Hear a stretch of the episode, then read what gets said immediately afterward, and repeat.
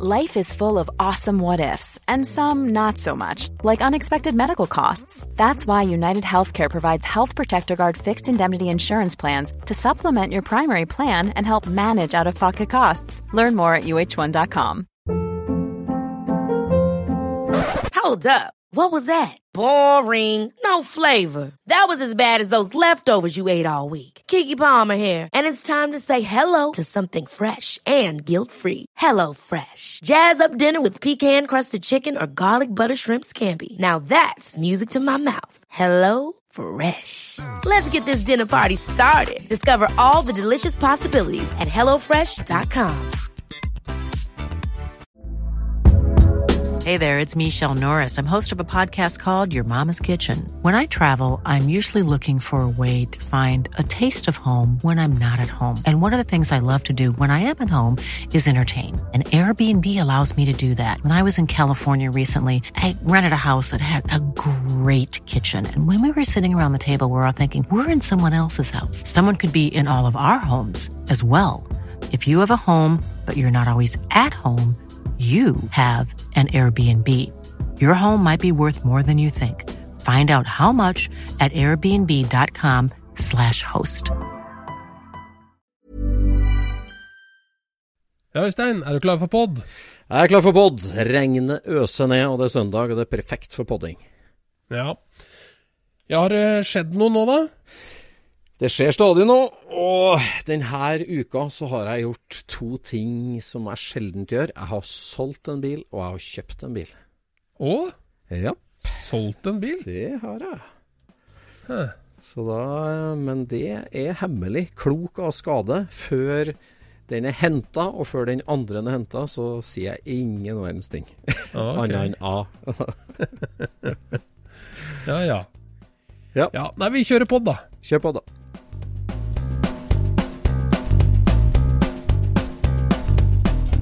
Du lytter nå til Scootspodden, en norsk podkast om klassisk bil med Jon Roar og Øystein.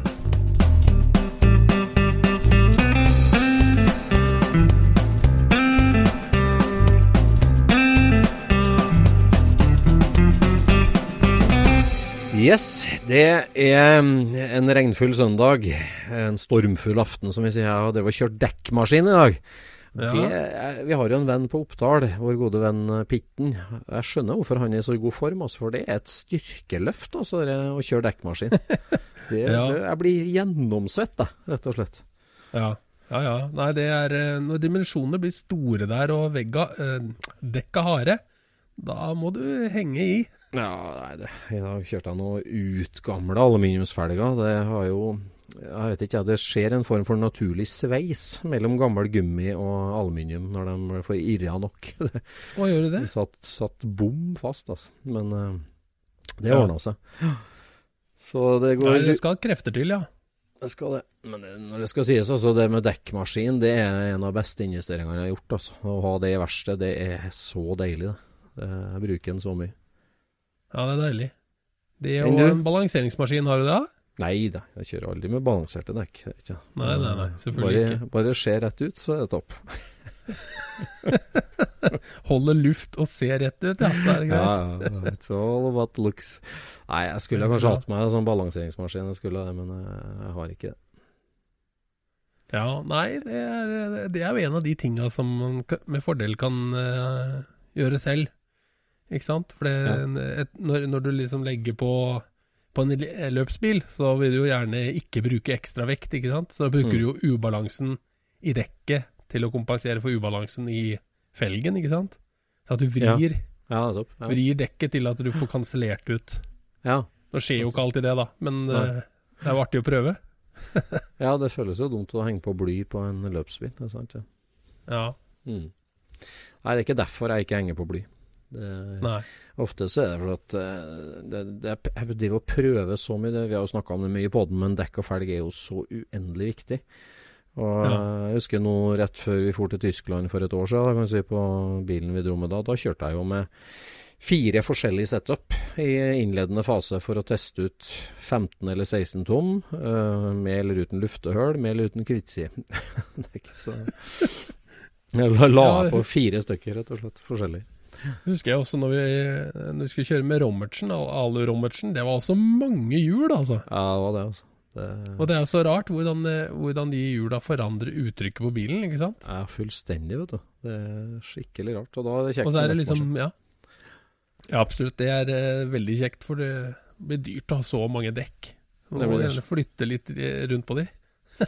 Jeg ser jo i dag nå nå vrengte av åtte gamle dekk da, som har vært på felg sikkert i 40 år. Og jeg skal Ja. si, altså, når jeg skulle gjøre rent rundt dekkmaskinen bare jeg starte med spade, for å si det sånn. Det er så mye Å rust ja. og grums og gummidrit, så eh, å få det inn på et dekkverksted, det eh, skjønner jeg at de ikke liker, for å si det sånn.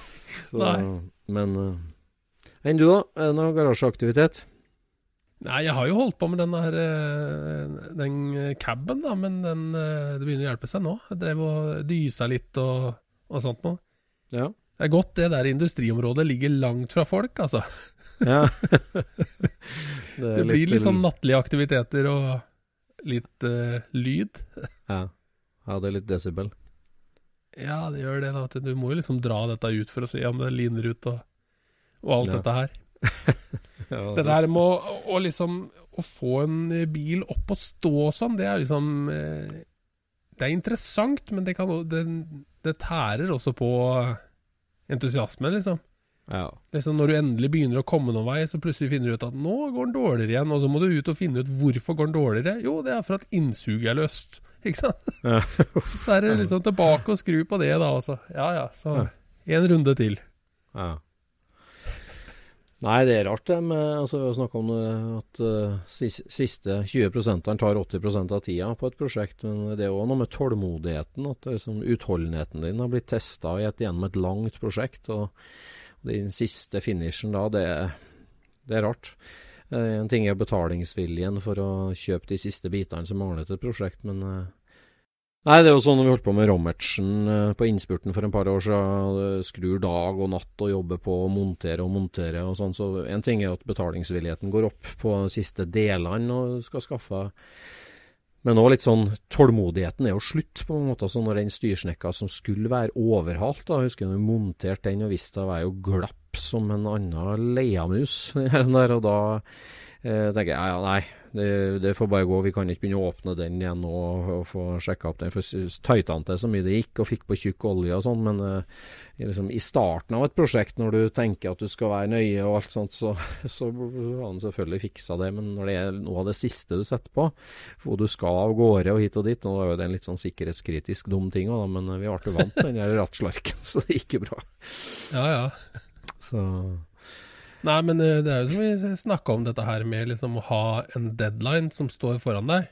ja. Der får man veldig bra progresjon, da. Altså at du har eh, Du er nødt til å være ferdig til fredag. Mm. Det vil si at uh, disse tinga kan ikke gå feil. Nei. Så du er bare nødt til å du nødt, Ok, dette kan vi leve med, dette kan vi ikke leve med. Og så må vi ta de tinga vi ikke kan leve med, og så og fikse de, liksom. Så det Det er egentlig veldig bra å ha litt deadlines. Man skal ha noen deadlines i sånne prosjekter. Ja, altså, du må nesten ha det, altså, for at det å bli ferdig med et prosjekt, da, ferdig med en bil, det er, det er veldig tilfredsstillelse. Altså. Det er som å være fjellklatrer eller turgåer og aldri komme til toppen, på en måte. Altså, det er når du står på Galdhøpiggen eller K2 eller hva du er opptatt av, da, Ja. og liksom har klart det, nådd et mål, den er, det er en slags, ikke beruselse, det er ikke, men det er jo en tilfredshet med det. Det som jeg syns er så veldig eh, spesielt med liksom et ting, noe du har holdt på med lenge, da, som du skal uh, få i stand, det går liksom fra å være uh, et problem og veldig mm. plasskrevende, og det er vanskelig å få flytta på og alt mulig, og den dagen du kan liksom sette Mm. deg inn og starte det og kjøre med det, da er det akkurat som det liksom går opp et lys i huet på deg, at sånn. dette her er jo en bil. Liksom glemt at dette her er en bil. Det, det, det, det er litt snodig sånn- det der, sånn, for, eh, for det, det kommer så overraskende på hver gang at det bare Så utrolig Ja, ja. praktisk den her plutselig har blitt. Ja. Nei, det er sant. Det går fra et statisk samvittighetsobjekt til å bli en eh, ja, stimulerende sak. Ja, men når, når først prosjektet Mm. står på prosjektplassen, Altså når du har liksom fått dratt, eh, drassa dritten Mm. ditt og jekka den opp og satt den opp, Nei. Nei. da er det ikke et problem, kan du si. Men det også liksom når du tar den ned derfra og skal bare ha den av gårde på, eh, på lakkering Ja. og sånt, da er, da er det tungt å holde på med, liksom. Så når, når motoren går inn, og du kan starte den og kjøre den ja, Det er helt Det er, det er som å sveve, liksom. liksom, Det er sånn deilig, altså. dørstokkmila på sånne prosjekter. eh, Liksom at du, den, den står i et hjørne i garasjen din, f.eks., og du, du går og 'Nå må jeg komme i gang', eller 'Nå må jeg komme videre', eller 'Nå må jeg komme i gang'. videre. Det er mange som står og stanger sånn og liksom aldri kommer i gang helt. Og det, det er dørstokkmila, og det tenker jeg det ser jeg sjøl når, jeg- ja, når du sier som du, når du endelig Mm. får trilla den inn på prosjektplassen, får den opp på løftebordet ditt og, og begynner å skru litt og ta på den og, og ha på litt olje og skru den fra hverandre eller skru den sammen. kan du si De første skruene her. Det er så tungt å komme i gang, men gi det to kvelder, så vises det veldig mye etter det. Og da, da er det mye lettere. Jeg var ute og henta noe Ja. skrot her et par dager siden. da, Det er jo, ja, det er jo 80% logistikk i hobbyen, så da var jeg oppe i Hedmark og henta det ene og andre. Og endte opp hos en kar eh, Skal ikke nevne navn. Der sto det en 1303 cab i et hjørne i villagarasjen som har stått i sju år, nylakkert. Og du merker bare når han snakker om det, at liksom åh, Ja. eh, skulle ha kommet i gang, og, og det er jo bare monteringa igjen, og jeg kommer aldri i gang, og sånn og sånn. Liksom? Og der er det liksom fått blitt nedstabla av parasoller og utemøbler og forskjellig, Der, sant? men liksom bare fått den inn på prosjektplassen og bare skrudd på det første fjærbeinet og sett de nye skruene og nye demperne på, sånn du, altså dørstokkmila, og bare komme i gang. Det, Ja. ja, altså, jeg vet ikke åssen du har det, men, men når det er et eller annet problem med noe som ikke er enkelt å fikse, altså ikke sånn ehm, Jeg tenker ikke på vanlig mekanisk skruing eller, eh, eller noe sånt noe, men, men liksom det, er et, det er noe som er feil med denne bilen, som gjør at du har kjempeproblemer. Sånn som denne her eh, 1303-en min, da. Den gangen jeg solgte den bilen, så var det for at jeg ikke Mm. fikk bukt med et problem på høyresida foran. Det ene Mm. hjulet subba i skjermen konstant. Eller ikke konstant, men samme hva jeg prøvde på, da. Jeg satte på annen skjerm, og jeg leverte den på verksted for å få den justert, og alt mulig greier. Men det, det ga seg jo ikke, ikke sant. Det, så da måtte jeg til slutt selge den. ja, for den var litt skeiv, den, eller hvordan var det? Nei, altså det som eh, Etter mange år altså kjøpte jeg den jo tilbake igjen. Og da er jo liksom hodet mitt på et annet, eh, et annet plan, så at jeg, jeg tar jo bare fra hverandre det foran der og skal liksom se på hva er, hva er feilen. Og da viser det seg at eh, den er jo rett og slett eh, Fjærbeinet er jo feilprodusert. De har jo bora høla på feil plass. Så da, da fiksa jo det det på, på fem minutter, det som gjorde at jeg solgte bilen, ikke sant? Ja, men sånn er det jo. Det, det, ja, du dytter problemet foran deg, og når du virkelig tar det ved horna, så er det jo ikke så vanskelig. Sånn gjelder jo alle oppgaver i livet, egentlig. Men spesielt på bil, altså, så, så merker jeg det. og det ja. Ja, du må liksom bare angripe problemet, og så OK, nå, dette må fikses, liksom. Mm. Det, det, det nytter på en måte ikke å ønske seg problemet vekk. Det kommer aldri til å skje. Nei, og det gjør seg ikke sjøl. Og det, noe av det her er jo ting du, du kan ikke sette bort heller, på en måte. Du må gjøre det. Du må ta problemet ved horna. Sånn. Så, Ja, og så er, det, så er det veldig mange som går rundt og håper på sånne mirakelløsninger, liksom. Vi ser jo det på jobb, ikke sant. De har et eller annet gitt problem med en bil, og så kommer de inn og spør etter liksom et mirakelmiddel som du bare heller på, og så forsvinner problemet. ja, det er Jeg sier nei, du er nødt til å ta det i disse trinnene her sånn, og da blir det bra. rustfacing på boks, tenker du på, f.eks. Ja, enten det eller ting som har med, med motoren å gjøre, ikke Ja. sant. Det er, eh, det er liksom sånn Ja, Mm. dette her må rett og slett fikses, og når du har fiksa Mm. det, så er problemet ute av verden. Mm. Alt annet vil bare være ja, tidsbegrensa lykke, Mm, ikke sant? Mm. Nei, jeg var jo til Trondheim her òg, da, og besøkte uh, mine foreldre. Veldig trivelig. Og da var jeg ute og prøvekjørt eh, faren min sin A-Ford, da, 1930-mæl Feiten. Som jeg har snakka om før Ja. på poden òg, som han kjøpte for 150 kroner i 1972, eller hva det var. Og hatt stående på låven fram til i fjor sommer, når vi dro den ut. Ja. Og eh, det er jo sånn Ja, nå har det jo vært Han har drevet med veldig mange andre prosjekt og restaurert mye rart. Både hus og, hus og bil og flipperspill og alt mulig, så det har ikke mangla på prosjekt. Men uh, når entusiasmen kom tilbake da, for, uh, for bilhobbyen, og vi dro den ut og Det var litt sånn uoverkommelig prosjekt, egentlig, da, som har vært kappa av til pickup og forskjellig. Og kjørte den til Nattvik, da, vår gode venn, smeden på Trones på Verdalen. Som tok liksom hele grovjobben da, med rustsveising og lakkering og motoroverhaling og sånt. Og så har faren min nå holdt på siste koronahalvåret her med montert den og pussa småting og trukket opp seter og kalesje og montert krom og horn og elektrisk. og og det var ja. så hyggelig. vet du, vi var å start, starta opp den og ut og kjørte. Og det jo altså Snakk om objekter som vi har gått sirkler rundt i 40-50 år. så plutselig så er det bare å trykke på startknappen, og så er du ute og kjører. Altså det, ja, det er magisk. Ja, det er magisk. Jeg ser altså den hobbyen, og hvor, mye, hvor glede det, det gir eh, faren min og mange i alle aldre. Det er det er noe å stå opp til om morgenen og tenke på noe, nå når jeg har vært inne i dette, som sagt, dette kjøp- og salgmodusen òg. Jeg har jo hatt så behov for å altså gleda meg til å tenke gjennom ting og planlegge ting, kan du si. At jeg får jo nesten ikke sove om kveldene for at jeg grubler og spekulerer, og bare positivt, altså. Så det, jeg syns det er en veldig givende hobby, altså. Det må jeg si. Ja, det er jo det. Du får liksom tro på mennesket òg, ikke sant? Et menneske kan jo lære seg ting. Ja, kan det. Det er liksom det, det, det er den derre eh, Men det, det, koker jo ned til en innstilling. At om du har innstillingen at du kan lære deg ting, ja. så går ting så mye lettere. Ja.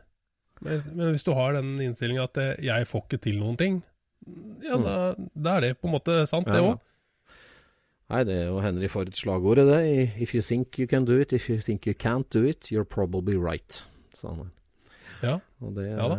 Er, nei, det er, det er, veldig artig, syns jeg, med, med hobby, bilhobbyen. Altså, alle problemer kan løses med litt innsats og tid, ja, ja, ikke sant? det er sånn. Mm. Jo mer uproft det er, jo mer tid trenger ja. du. Men den tiden kan ikke brukes bare på å tenke.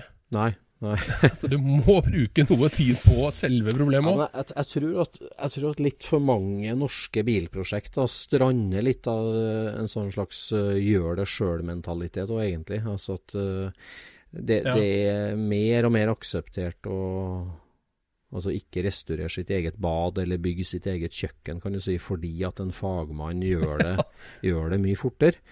Og sånn at ja. Du kan holde på 20 timer og lære deg et eller annet snekkerteknisk òg, og så pusse opp badet ditt sjøl og holde på. Da tar det fire år, og det koster deg to tredeler av det det ville kosta å satte bort. Men, og Det, det gjelder med bilhobby nå, så at uh, om man gruer seg veldig for noe eller ikke kan noe, kan du si, så heller bit i eplet og si at det her setter jeg bort, for da blir det gjort på ti timer, i stedet for at jeg skal bruke 60 på å lære meg det å gjøre det sjøl. Ja, sant det. For det, det er noe å komme over noen sånne kneiker altså, som, som, gjør det. Ja. Så. Nei, stort sett så er det jo Det er jo penger som stopper de aller fleste prosjekter, vil jeg ja, si. da. det er jo det. Det er klart. Så det, så, det. Men penger kan på en måte erstattes av egen innsats. På enten den ene eller den andre måten. Ja, nei, har, du en, har, du et annet yrke eller, eller et annet fag du kan utøve, så ofte så er det sikkert lurere å ta på seg en ekstra snekkerjobb og så sette bort noe, sånn, hvis du er snekker eller noe. Men, ja, det er jo sånn Norge går framover. Ja, Bytte jobb. Ja, ja. Så Nei da, det er spennende. Jeg fikk jo hjem uh, Heno-ovalen her òg, da. Den derre racerbilen, eh, danske racerbilen som vi har dratt i gang, som nå er X-ovalen? Hæ? X-ovalen, ja. X-ovalen, ja. Det stemmer. Det var jo en 56-oval, ja, som har gått masse asfaltløp og grusløp nede i Danmark, som jeg kjøpte for mange mange år siden, som vi er på nå å restaurere og bygge opp igjen. Så nå er sveisinga altså, ja, 80 ferdig. Det er igjen en del eh, custom-triks, racing-triks. Men nå har jeg en stående i verkstedet og driver og prøvemonterer skjermer og luftinntak, og, og skal til å modifisere dashbordet litt, eh, sånn som den var, da. Så det Det, det er stor forskjell på når en bil bare er i deler og i en haug, eller når den henger sammen. Jeg har en tendens til å liksom Ja. uh, ta en stor pause, da, egentlig når den står der og ser ut sånn omtrent som den skal se ut, for da har det liksom plutselig blitt en bil. Så Ja. det blir litt uh, Men det Ja, og så tar den jo veldig mye mindre plass da, når han henger litt mer sammen. Ja, han liksom. gjør det. Jeg elsker den fasen med å liksom plukke sammen alle delene og gjøre klart Ja, hvordan var det med alle rutene og alle delene og hit og dit, og liksom legge puslespillet, altså finne det fram og komplettere det opp. Det er så tilfredsstillende. så, Ja, der er du flink. Du er flink til å gjøre sånt. ja, Jeg tar det litt mer som det faller seg, på en måte. At jeg, at jeg går over nå, nå har jeg løst det her, hva er neste? Ja. Og, så, Ja, ja. og så ser jeg på det. ja da. Men det er klart, alle de tinga som må bestilles, der, er- der blir det laga lister og, Ja. og sendt av gårde, da. Ja, prosjektstyring, altså det er jo et fag på arbeidsplassen, kan vi si. Det altså, å styre et sånt prosjekt med riktige håndverkere og riktig delinnkjøp og sånt, det, det, er en stor del av, av gjennomføringa av det, altså. Ja, og så er det litt sånn at eh, du er nødt til å vite hvor du skal bestille ting òg. Mm. For det ofte så, ofte så ender det opp med at du får noe i hus som bare Nei, det er rett og slett ikke godt nok, så du er nødt til å leite videre. Mm. Du er nødt til å finne en annen leverandør som har en høyere kvalitet på akkurat den tingen, da, hvis det der er Mm. synlig og problematisk. liksom. Ja, Der eh, møter jeg meg sjøl i døra ofte, for altså, på en del av de gamle tingene og sjeldne tingene, så er det jo en del reprodeler som finnes. Og det, ofte er de jo lagd av enkeltpersoner rundt om i verden. Se på den Schwimmen, Schwimmwagen min, kan jeg si, har handla fra privatpersoner over hele verden, tror jeg, som lager sin egen lille reprodel. Og ofte når jeg står og skal kjøpe noe sånt, så tenker jeg liksom åh, er ikke det litt dumt å bruke så mye penger på en sånn dustete del som jeg skal bruke helt i slutten av prosjektet? Og liksom, altså, nå trenger jeg å rustsveise på karosseriet, trenger jeg da å kjøpe nye dekk? Liksom, nei, logisk sett, økonomisk, så gjør ikke det, det er veldig dumt. Men nå ser jeg jo da at det er jo flere av dem nå som har slutta å lage det de eh, lagde for tre-fire år siden. Og da er jeg jo Ja. superlykkelig for at jeg tok den investeringa og kjøpte for tidlig, på en måte. Og du gjorde det, Ja, på, på noe gjorde jeg det, men på noen så er det jo Ja. toget gått, da. Så det er noe med Ja. Altså, repro varer ikke evig deler, altså. Så det er ikke dumt å bunkre opp. så, så. Get them while they're hot. Ja. Det er noe med det. Ja ja. Nei, vi tar en kort pause. Ja, i dag tidlig så hadde, hadde vi et lite telefonmøte i eh, eh, arrangørgruppa for PT Max Müller Gedachnisrennen. Ja. Eh, Det er jo en liten internasjonal komité med Tyskland, England, Norge representert. Mm. Eh, det her er jo det rebusløpet som vi arrangerer annethvert år nede i Tyskland, på vei til de store treffa, ja. som vi har snakka om før. Og nå er det snakk om å ha en eh, østlig start, da. Vi skal jo måle denne gangen, altså neste år, juni 2021, er jo Hessi Kjoldendorf rett øst for, rett vest for Hannover. Så Ja. det har vært snakk om å starte i Berlin, men nå er det bestemt start i Wolfsburg.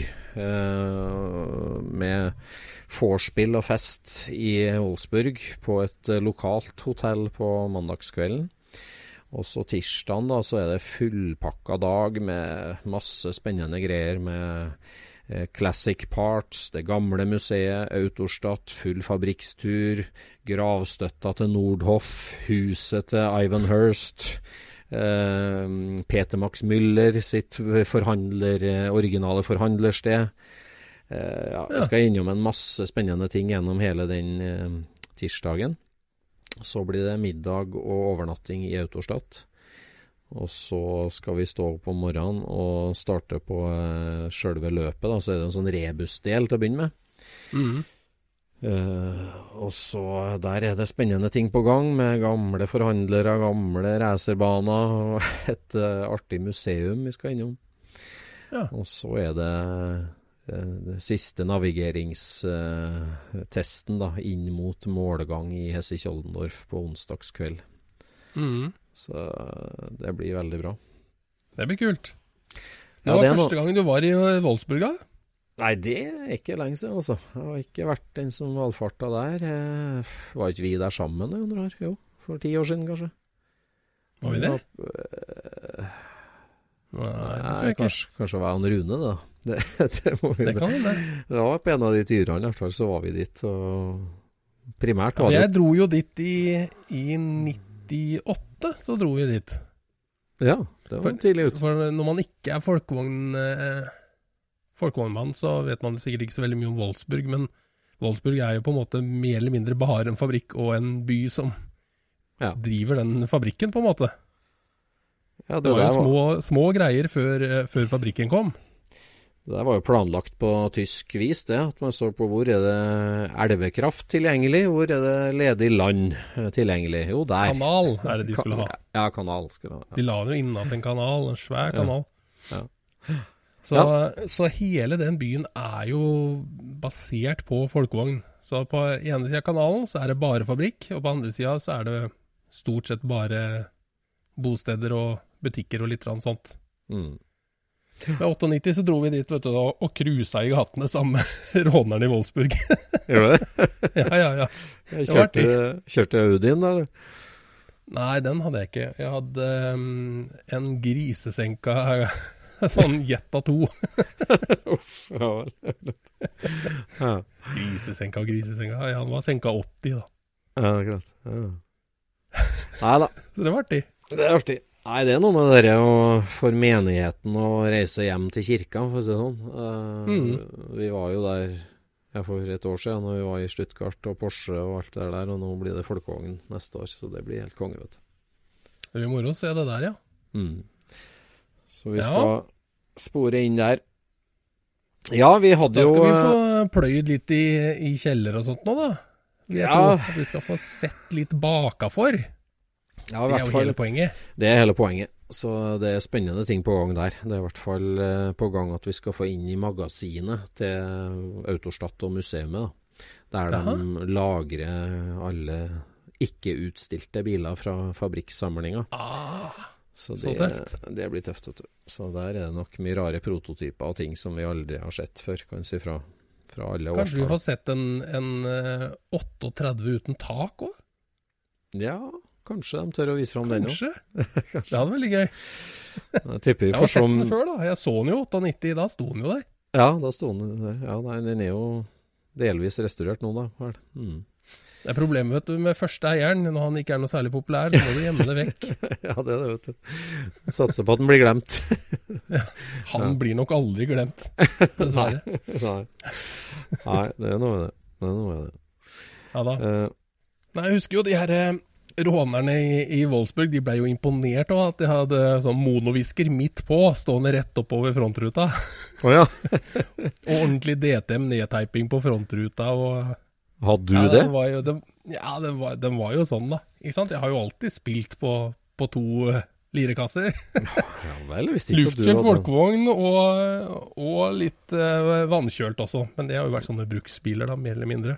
Men ikke sant? når du har sveiseapparat og du kan forme litt plate, så, Mm. ja, så tar du vel det som står nærmest også. Jøss. Så jeg gjorde litt sånn, sånt småtteri. Ja. Men eh, det der var mens den gikk i primer.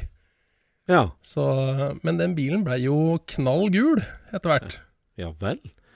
Ja, Ja, Siden var- jeg ikke kjenner eh, Var du til Vorterskje og nedover der du òg, eller? Nei? Nei, nei, nei. Nei, vi, vi, vi, vi dro på fotball-VM What?! i Paris.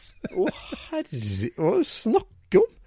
Ja, det er, det er ikke til å skjønne, vet du. nå ramler det skjelett etter skjelett her. Vannavkjørt, senka polo og fotball-VM i andre år. Nei, gjett da. Ikke Gjett, da. noe polo. Ja. Er det noe forskjell på det?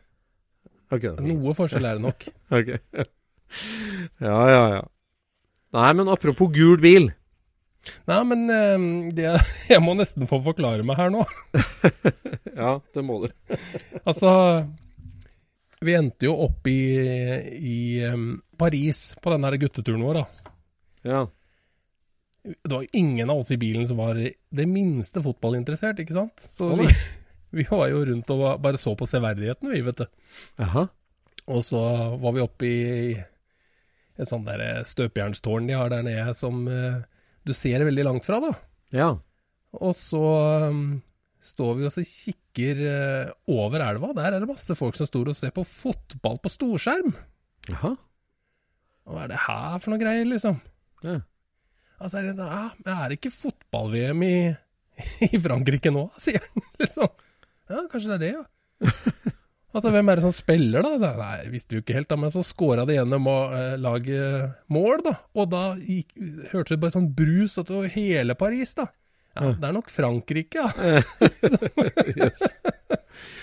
Da Men de vant jo den kampen, og da ble det jo fest hele natta i Paris. Da. Så det var jo artig å se hvordan franskmennene feirer. Og de Ja. er litt mer utagerende enn nordmenn, vil jeg si. Oi, mer utagerende. eh, Ja. Så det var jo litt artig, da, sånn i etterkant, liksom, når du har snakka med folk, liksom. Men det ble litt sterkt sterk Så kan man liksom da fortelle at nei, vi, vi, var jo, vi var jo i Paris når vi vant finalen. Så bare Var du der?! Liksom, helt fullstendig tilfeldig.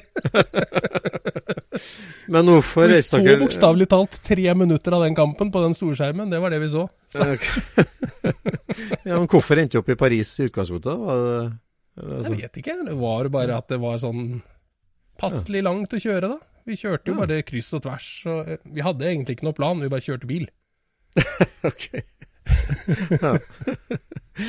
ja, akkurat. Ja, ungdomssynder. Ja da. Det gikk bra. Ja, det gikk bra. Ja, gul bil. Vi uh, hadde jo gjest i forrige pod-episode. Uh, Rikard Bugge Andersen. Ja. Eh, og det er en entusiastisk kar, det er helt sikkert. Absolutt. Og eh, vi har fått en del eh, reaksjoner på, på den episoden. Det er jo, jeg er jo en av dem som kjenner Rikard Bugge Andersen for det han alltid har vært, skulle jeg si. Ikke som burning-filmkjendisen. Så eh, det var veldig artig å møte han igjen og prate både om gamle dager og nåtiden, da, når han står midt oppi Il Tempo Gigante, bokstavelig talt. ja. Så Nei, entusiastisk mann med, eh, med et utrolig engasjement for, eh, for Mustang og, og bilhobby generelt, da. ja, Du han hører jo... at det er ekte, altså. Ja, altså han- ja, Han er jo overraskende lite bilrasist, da, det må jeg si. Jeg har alltid sett på han som Mustang or die, nærmest. Men, eh, men det var han jo absolutt ikke, og det har han jo ikke vært heller, egentlig, opp igjennom. det, med. Når, du, når du er med og starter Camaro-klubb som Mustang-butikkeier, så er det jo da er det relativt tverrfaglig, for å si det sånn. Ja, ja, ja, ja, ja. Men uh, Rikard han hadde jo med noen flotte uh, memorabilia til oss. Uh, Ja. Vi har fått uh, Burning 3-filmen, som lanseres da 3.9. Eh, nå er det førpremiere og turné i hele sommer, kan du si. Og vi, han hadde jo med herlige plakater, filmplakater, som er signert av Rikard Bugge Andersen. Ja. Og vi har noen sånne bilder av Lillegul, som også er signert. Mhm. Så det her la jo han igjen, og det har jo vi tenkt å dele ut til Scootspod-lyttere. Mhm. Og hva må man gjøre for å få en sånn? Jo, da må du eh, finne oss på Instagram eller Facebook og send oss en melding. Og så er vi ute etter gode bilhistorier. En, eh, Ja. for, fortell oss om hvordan du scootcher, Eller fortell oss om eh, Fortell oss om ei opplevelse med Lillegul, med bilen f.eks. Om du har møtt den på Mustang-treff, eller om du har sett den på film, eller hva det er. Eller om du har kjørt fra den? Eller om du har kjørt fra den, ja. Da får du he... frakjørt? Ja, ja det, der er det i hvert fall eh, Ja, absolutt. Og så eh, Ellers så er vi jo ute etter sånn eh, superentusiaster. Fortell oss om en superentusiastisk bilentusiast. Det ble mye SA på på Ja. ord. Eh, altså sånn eh, Nominer en overentusiastisk eh, bilkar. Ja. Se- Send oss en god bilhistorie, rett og slett, på, på, på melding. Og så skal vi eh, dele ut uh, det her signerte promomateriellet for Burning 3. Det kan jo bli samleverdi på i framtida. Ja, absolutt.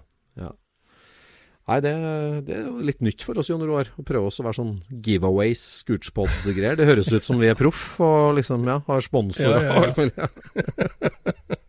Det er litt skummelt. Veldig skummelt. Ja, det er det. Ja, Vi snakka om gode historier og spennende ting. Og Rikard Bugge Andersen han har kjørt uh, fort med bil, både lovlig og ulovlig. det er som han sa sjøl, det er forelda alt sammen. Vi drev med før. Og så har det resultert på en måte i en film. Ja, det har det, og det Så det handler vel uh, Ja, den er jo basert litt på han, men, uh, men det er jo en spin-off av en spennende historie. Det blir jo spennende historie rundt bil. Ja, det blir det. det og det er ikke følelser hos mange. Um, mm. Du har, du har fordypa deg litt i en annen bilfilm. Ja, altså Det er jo mest tilfeldig, da. Fordi uh, det som jeg egentlig har vært uh, interessert av lenge, er jo alt som har med racing og dragracing og sånne type ting som har foregått i California rundt disse uh, Calluc folkevognene, da. Og de mm. drev jo og kjørte dragracing bak eh, Nabisco, mm. som var en sånn eh, kjeksfabrikk, tror jeg. Ja, ja. Mm. Nabisco Foods. Mm. Ja, um, og der eh, Det var liksom stedet som de gjorde opp, da. Mm.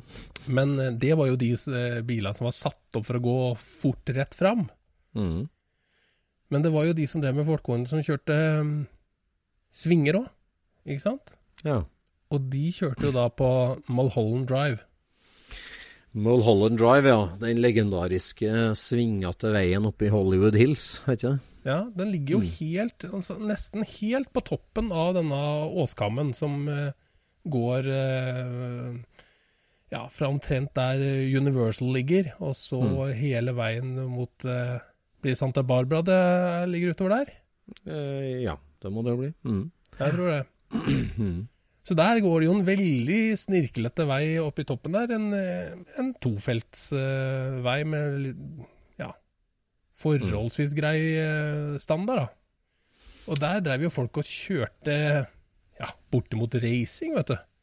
Men er det, er det en bakke? Eller liksom, er det en lang bakke? Eller er det, som, at det blir som et bakkeløp nærmest, eller er det en vei? Nei, den, er, den, en, eh, den holder ca. samme høyde hele veien.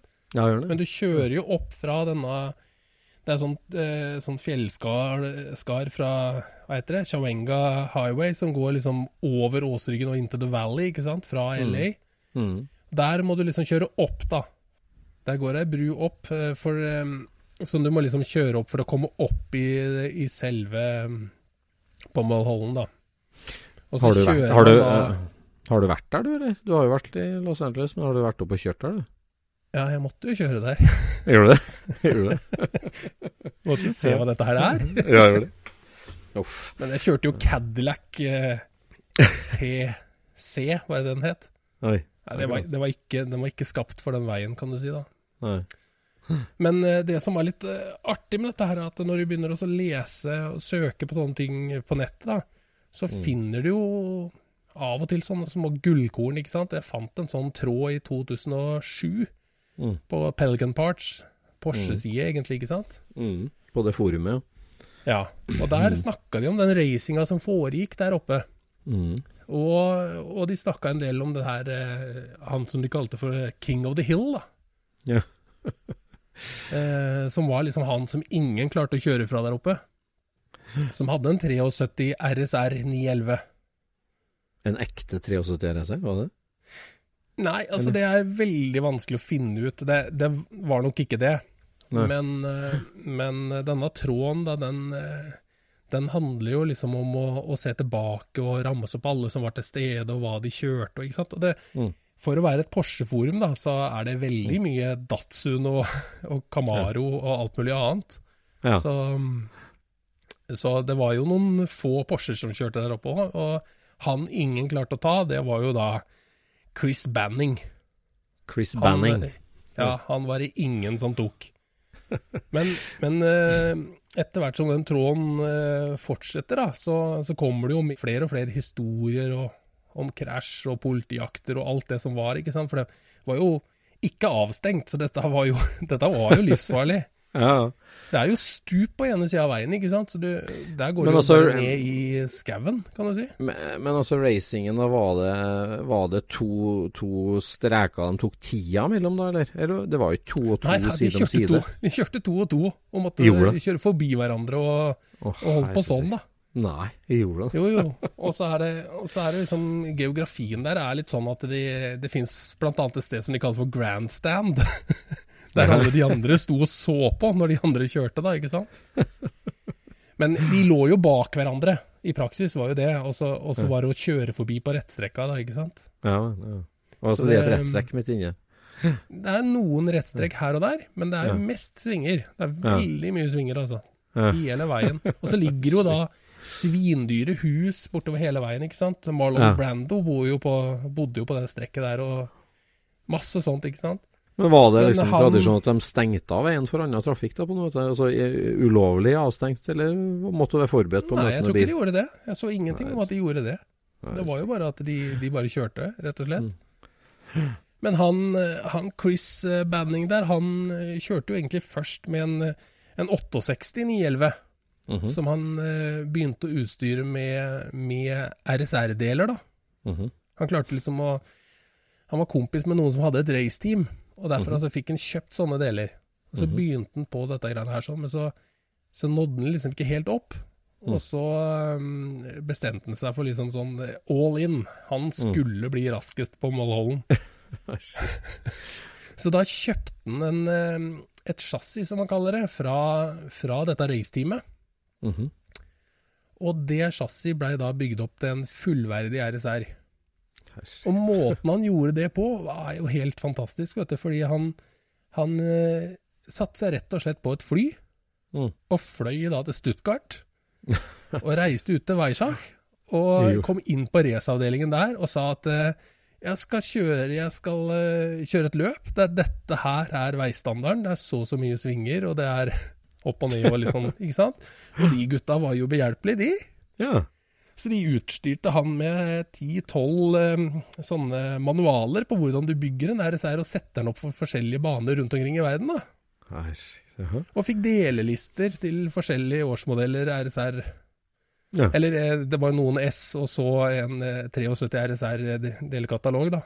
Ja. Så han kom jo tilbake til USA med full handleliste, og det var bare å sette i gang, ikke sant. Æsj. Jaha. Så han bygger jo opp tok han pengene fra han fyren der, da? Nei, faren hans hadde starta noe sånn der hardware stores-kjede, så han hadde litt Ja. penger. Ok. Ja. Så de bodde jo på en av de fjelltoppa på Molhollen. Oi. Å ja, ok. Ja, ja, så han Det så hjemmebane. kjørte forbi huset. Det var hjemmebanen, det der. der. Ja. Jo, han skulle bli Så- verst. Ja, så han sendte jo av gårde karosseriet på syredypping, da, for å få det litt tynnere og lettere. Ja. Og så, og så fikk han da sveisa opp den med, med alle de forsterkninger som du skal ha, og kjøpte inn RSR eh, skjermer i stål, og, eh, eller bakskjermer, da, og fikk sveisa på dette her sånn.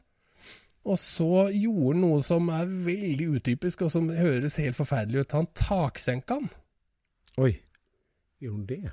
Ja, Det, det, sto, det sto ikke i spekken fra, Det sto ikke i spekken. Det var noe han kom på sjøl, tror jeg. Ja. Men det han gjorde, var egentlig at han vinkla frontruta bakover. Så han bruker fortsatt samme frontrute som en vanlig 911. Ja. Så han bare la den noen grader bakover, og så ble da taket fem centimeter lavere. Oi. Og så fikk han sveisa et sånt uh, aluminiumsbur da, som uh, binder hele bilen fram, uh, sammen fra foran til bak. da, I sånn eh, T6 aluminium. da. For det var da dobbelt så sterkt som stål i kompresjon, men eh, en femtedel så tungt. da. Og så fikk en, en, et raceteam til å bygge en 2,8 liter motor med dobbeltplugg, Mm. og med da sånn eh, MFI injection, ikke sant? Sånne høye butterflies, sånn som de Mm. har på, på løpsmotorer, ikke sant? Og fullt, fullstendig gjennom, gjennomgått og balansert, og med, med tørrsumpen flytta fram i foran i bilen for å få bedre eh, vektfordeling. Altså det, det er så gjennomarbeida, denne bilen her.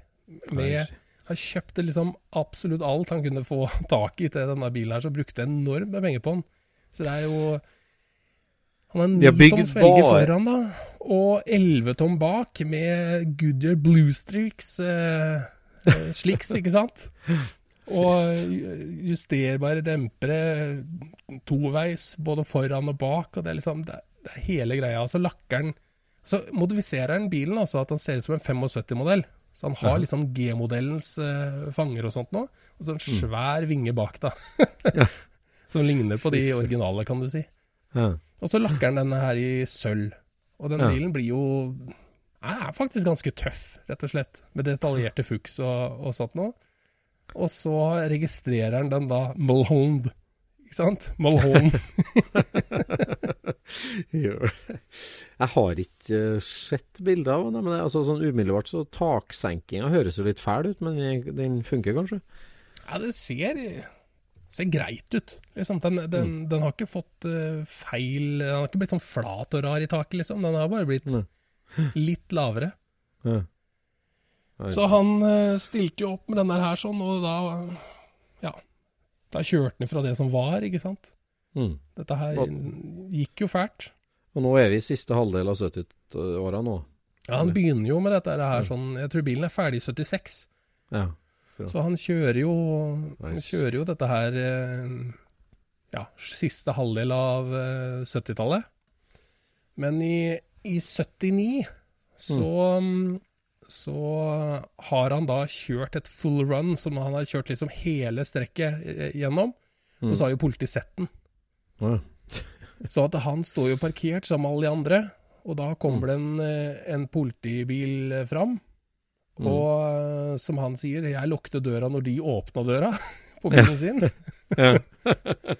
og så, går den, så kommer de fram til bilen hans, da. Så han holder seg jo helt rolig, og bilen er jo ikke, den er jo ikke i gang. Men han, Mm. han sitter jo da med, med gasspedalen i bånn, og med kløtsjpedalen inne, og bilen i første gir.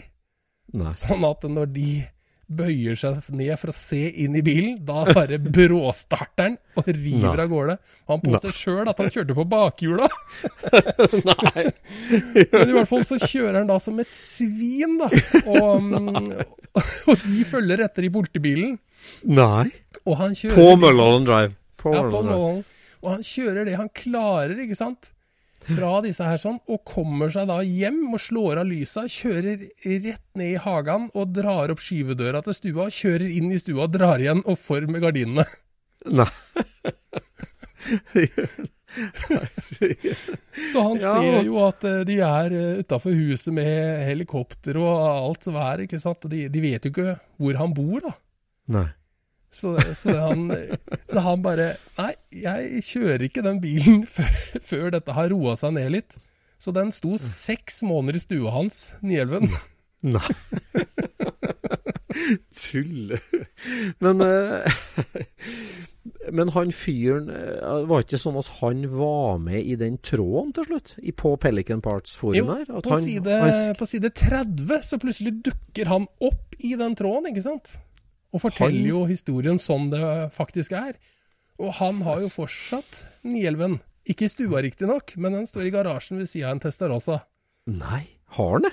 Så Ja, den ja, ja. eksisterer? Den eksisterer, sto på bukker, den. I, i garasjen eh, der sånn. Det er jo så gøy, vet du. Så han forklarer jo han, han forklarer jo alt sammen, og avkrefter myter og bekrefter myter. og liksom, det, er, det er så gøy når det bare plutselig dukker opp, ikke sant. Og Det der var i 2007, da. Ja. At Så det ender jo opp med at, eh, at masse folk som har vært eh, involvert i den tråden, de, de møter jo opp hos han. Og så tar de det som et prosjekt å, å, å rense injection-systemet og, og starte opp bilen igjen, da. Oh, yes. Så de er jo ute og kjører denne bilen etter hvert, ikke sant, oppå Mollhollen der. da. Ja. Det er jo ganske så tøft. Men finnes det, finnes det noe tida på den bilen? Altså noen som har trua den på tid nå i nyere tid, eller hvordan Eller er den altså, veien lagt om, kanskje? Nei, veien er eh, forholdsvis lik, men det er jo så mye potholes og greier at det, det går ikke egentlig an å kjøre noe særlig fort der, eh, tror jeg. Men han, eh, han påstår at den gangen da så var han oppe i 224 på den veien. Og når du har kjørt der, så er det ganske utrolig, altså, for den er, det er snirklete vei. Ja, det er jo som en racerbane som er bare strekt ut, da. Som ikke slutter der den starter. Si det sånn. Er- Ja, det er ganske krappe svinger, og altså, det, er, det er mye forskjellig. Men, eh, men det som litt, var litt artig, da, i 81 vet du, så blei det jo laga en film Var det det, ja? Om ja, av denne, om den kjøringa på, på Hollen, da. Ja. Og da var jo eh, han Harry Hamlin Aha. Han spilte jo han derre Banning, da, vet du, Å, ja. i den filmen. Ja, for det var i 79 han kjørte fra politiet. altså Det her var jo mens det ennå var litt hot, da, hvis filmen var lagd i 81. Mm. Ja, men den racinga den hadde jo plaga LA lenge, da. De hadde jo holdt på hele 70-tallet og, og slutten av 60-tallet også, med denne tullekjøringa si, kan du si. Mm. Så, um, så dette var jo et tema som hadde Det fins masse sånne artikler fra den gang da ikke sant, om, om fenomenet, og de ligger jo skanna inn i den eh, tråden, de. Mm. Så, men da laga de den filmen som het eh, King of the Mountain, da. Hvor han Harry Hamlin kjører en 356 Speedster. Oh. Jaha. Og, da, og erkerivalen eh, Dennis Hopper kjører en, eh, en 63 Corvette. Jaha, okay. Så de driver og Jeg har ikke sett filmen, jeg da, men de driver og krangler oppå Ja. Ja, så, så, det, så de dro ikke ut den sølvfarga King of the Hill-bilen, altså, og var med på filmen? i 82. Ja. Nei, han lå vel fortsatt og gjemte seg, han. Lå i skjul, han. ja, det er konge, altså.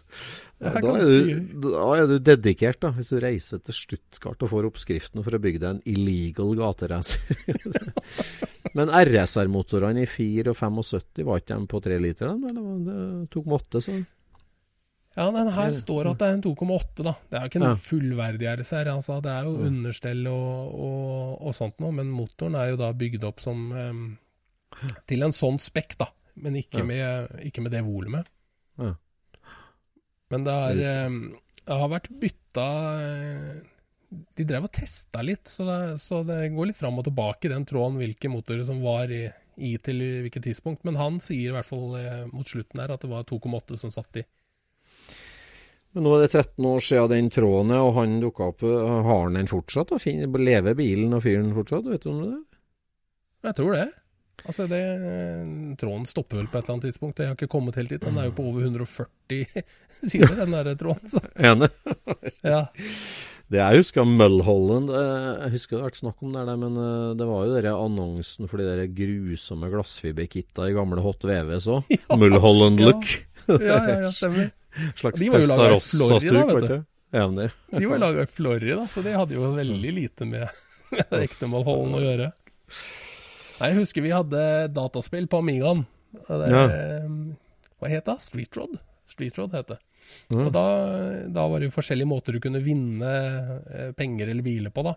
Og en mm. av de alternativene som du valgte, da var jo Mulholland. Var det. Og du kjører om kapp, eller eh, jeg tror ikke du kjørte om kapp engang. Jo, jo, du kjørte om kapp eh, på Mulholland, men altså, den grafikken var jo helt grusom, så det var helt umulig å skjønne at dette var på en fjelltopp, i hvert fall. Et annet apropos, da, Florida, når du sa det. For det, jeg fikk jo kjempeartig melding her om dagen. For at eh, du vet, for eh, nesten 20 år siden, eller ja, 18 år siden, så kjøpte jo jeg en, ei drag race-boble i Ocala i Florida. eh, som heter Derenlaufer. Det var en bil som var bygd i 71 da, og gikk eh, masse på Gainesville dragstrippen der eh, fram til 75. Og jeg kjøpte den jo i 2000 omtrent og tok den hjem til Norge. Bygde opp motoren og har den stående her. Ja. Plutselig så fikk jeg altså, melding på Instagram vet du, fra sønnen til han som bygde den. Uh, den heter jo Dad's Bug eh, på baklokket. Og sønnen da, til han daden, han bor i Pennsylvania og er veldig nostalgisk. Har kjørt mye drag race sjøl, med Mustang og forskjellig sånn pga. at faren var så ivrig dragracer da, med boble. Ja, Så han hadde googla Rennlaufer og funnet et bilde, og er henrykt over at bilen finnes, og at den var i Norge. At den selvfølgelig er i Norge. ja, han var, syntes det var veldig eksotisk, kan si. Og det at den var så godt bevart. Og Den er jo veldig godt bevart, den bilen. Og Ja. urørt. Og malingene til faren er jo fortsatt på den og alt mulig. Så, så nå har jeg fått vite veldig mye mer om den, og veldig mye artige historier. Og fått en del bilder av den òg, når den gikk Ja. da. Og faren ja, hadde den som gatebil først, da. Det er jo en 66 det der. der. Brukte den som gatebil nå. Og så kjørte den på et villsvin, og bulka den veldig i fronten. Og okay. da skar han, skar han fronten av den og satt på glassfiber og bygde racerbil i 71. Så eh, det var veldig artig. Og det viser altså Internett er lite gjør, gjør verden liten, for å si det sånn. Ja, ikke sant? Så Det er så artig, da. ja, det er artig. Det er artig. Var det den du solgte, da? Nei. Jeg har tenkt jeg skulle tilby den eh, kanskje å spørre om han vil kjøpe den igjen, for det har vært artig om han kom hjem til han igjen. Eh, I've had Ja, my fun with it. da. Så, så, ja, det har vært Ja. artig. det. Ja. Men eh, nei, vi har ikke diskutert det ennå. Ja ja. Nei, det var dagens episode. Mhm. Vi prates. Ja, husk på konkurransen vår, da. Send inn Ja. gode bilhistorier, og bli vinner av Burning 3-filmplakat. Ja. God kveld. God kveld. Ha det. Scootchpoden produseres av SSC Media, med god hjelp av VV Norge og Trond Dahl for hosting, Knut Micaelsen for musikk.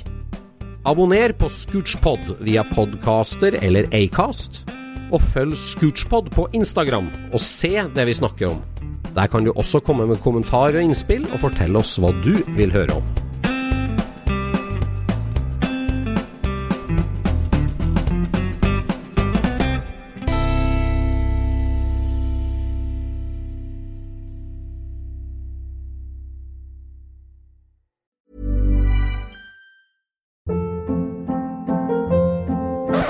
Hold up. What was that? Boring. No flavor. That was as bad as those leftovers you ate all week. Kiki Palmer here, and it's time to say hello to something fresh and guilt-free. Hello Fresh. Jazz up dinner with pecan-crusted chicken or garlic butter shrimp scampi. Now that's music to my mouth. Hello Fresh. Let's get this dinner party started. Discover all the delicious possibilities at hellofresh.com. When you make decisions for your company, you look for the no-brainers. If you have a lot of mailing to do, stamps.com is the ultimate no-brainer. Use the stamps.com mobile app to mail everything you need to keep your business running with up to 89% off USPS and UPS. Make the same no-brainer decision as over 1 million other businesses with stamps.com. Use code PROGRAM for a special offer. That's stamps.com, code PROGRAM.